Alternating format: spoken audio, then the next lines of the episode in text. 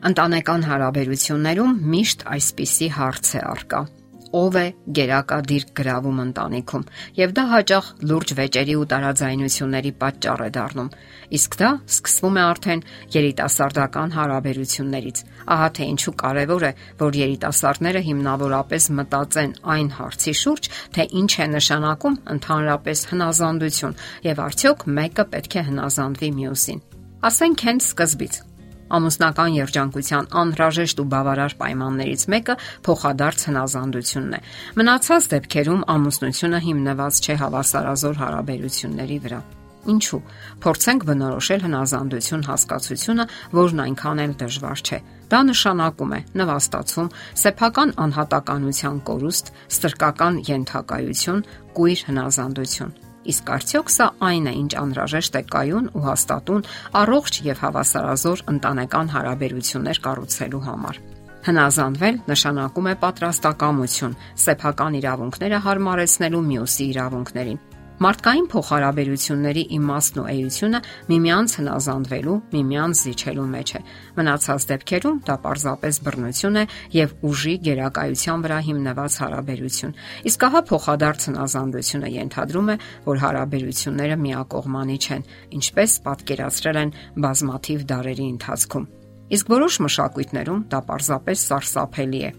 Կինն ընդհանրապես իրավունք չի ունեցել ձայն հանելու։ Նա լուր հնազանդվել է եւ վերջ։ Ամուսինը միշտ հրամաններ է արձակել, իսկ կինը հնազանդվել։ Փոխադարձ հնազանդություն նշանակում է երկուստեք ընդունել դիմացինի անհատականությունը, բնույթի առանձնահատկությունները։ Միայն անձին յուրահատուկ բնորոշ որակները, հաշվի առնելով նրա դաստիարակությանը, աշխարհայացքին բնորոշ առանձնահատկություններն ու նրբերանգները։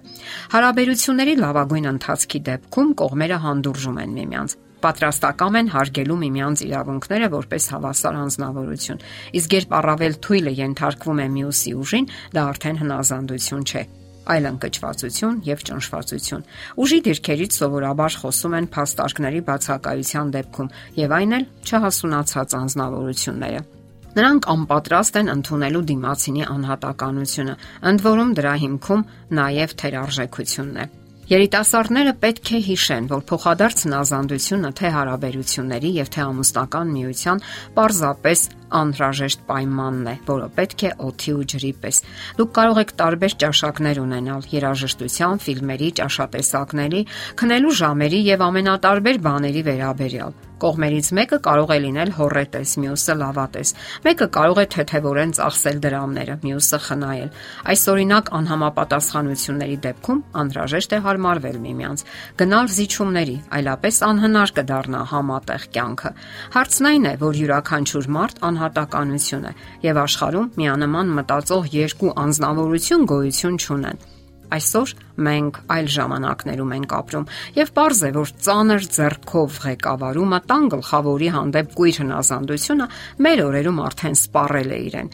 նման վերաբերմունքը կհարկադրի կնոջը որ իրեն անլիարժեք զգա կամ թերարժեք բնականաբար կխախտվեն ամուսնական քիչ թե շատ բնականon փոխհարաբերությունները Անբնական է նաև որոշ հարաբերություններում եւ որոշ ընտանիքներում դիտվող մայր իշխանության հակումը եւ մոր թուլությունը եւ հոր թուլությունը բացասաբար են ազդում երեխաների բնականon զարգացման վրա։ Նույնիսկ առավել առողջ դատողամուսինները, որ ձգտում են լիակատար համագործակցության, որպես երկու հավասար ղեկավարներ, բախվում են բազմաթիվ դժվարությունների։ Իշխանության համար մղվող պայքարը կամ մրցակցությունը հարաբերությունների եւ երջանիկ ամուսնության վատթարագույն ճշնամիներից է։ Երիտասարդները, իսկ հետագայում արդեն ամուսինները կարիք ունեն ոչ թե մրցակցության, այլ հուզական մերձության, ըմբռնողության եւ բարոյական սատարման։ Հասուն անznավորությունները սրան պետք է ձգտեն համատեղ կյանքի ողջ ընթացքում։ Կողմերից ոչ ոք իրավունք չունի իր տեսակետը պարտադրելու որպես միակ ճիշտը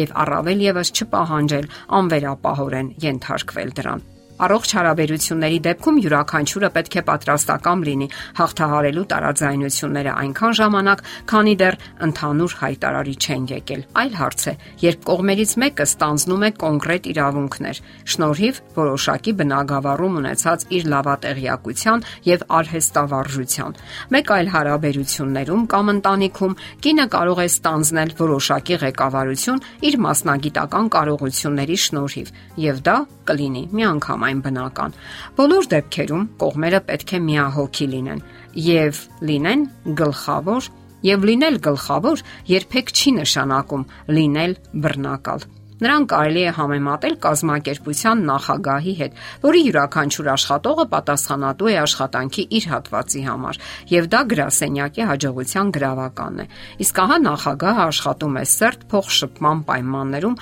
փոխտնօրենի իր կնոջ հետ։ Երիտասարդներին խորհուրդ ենք տալիս հաճախ խորհրդակցել միմյանց հետ, քննել ամենահնարավոր հարցերը, հատուկ ժամանակ հատկացնել ծրագրերն ու խնդիրները քննարկելուն։ Հարկավոր է գնահատել միմյանց կարծիքը, փորձը, ողջունել դիմացինի մասնակցությունը այդ խնդիրները լուծելու գործընթացին։ Ժողովրդական իմաստությունն այսպես է ասում. երբ սուրբը ամուսնանում է սրբուհու հետ, ոչ միշտ է ստացվում սուրբ ամուսնություն։ Իսկ մեր ժամանակներում եւ ընդհանրապես սրբեր կամ կատարյալ անznավորություններ չկան։ Ահա թե ինչու ելքը փոխադարձ հնազանդությունն է։ Եթերում է ճանապար երկուսով հաղորդաշարը։ Հարցերի եւ առաջարկությունների համար զանգահարել 033 87 87 87 հեռախոսահամարով։